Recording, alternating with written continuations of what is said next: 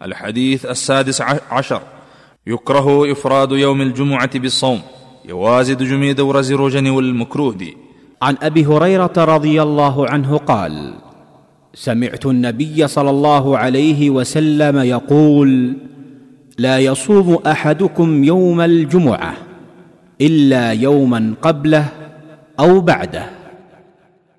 د أبو هريرة رضی الله عنه روایت دی فرمای ما اوریدلی دی د نبی کریم صلی الله علیه وسلم نه. هغه فرمایل ستاسې یو کس دی یوازې د جمعې په ورځ روژه نه نیسي بلکې یوه ورځ مخکې یا وروسته د ورسره هم روژه ونیسي.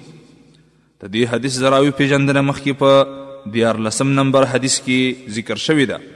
او دا حدیث امام بخاری او امام مسلم په خپل صحیحینو کې ذکر کړی دی.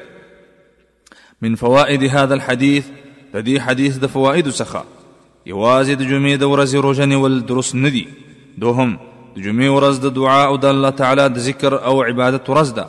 أو همدارنګه د جمعې په ورځ د لمانځه نه وروسته باید حلال رزق هم طلب کړی شي.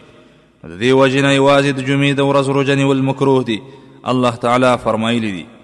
فإذا قضيت الصلاة فانتشروا في الأرض وابتغوا من فضل الله وابتغوا من فضل الله واذكروا الله كثيرا.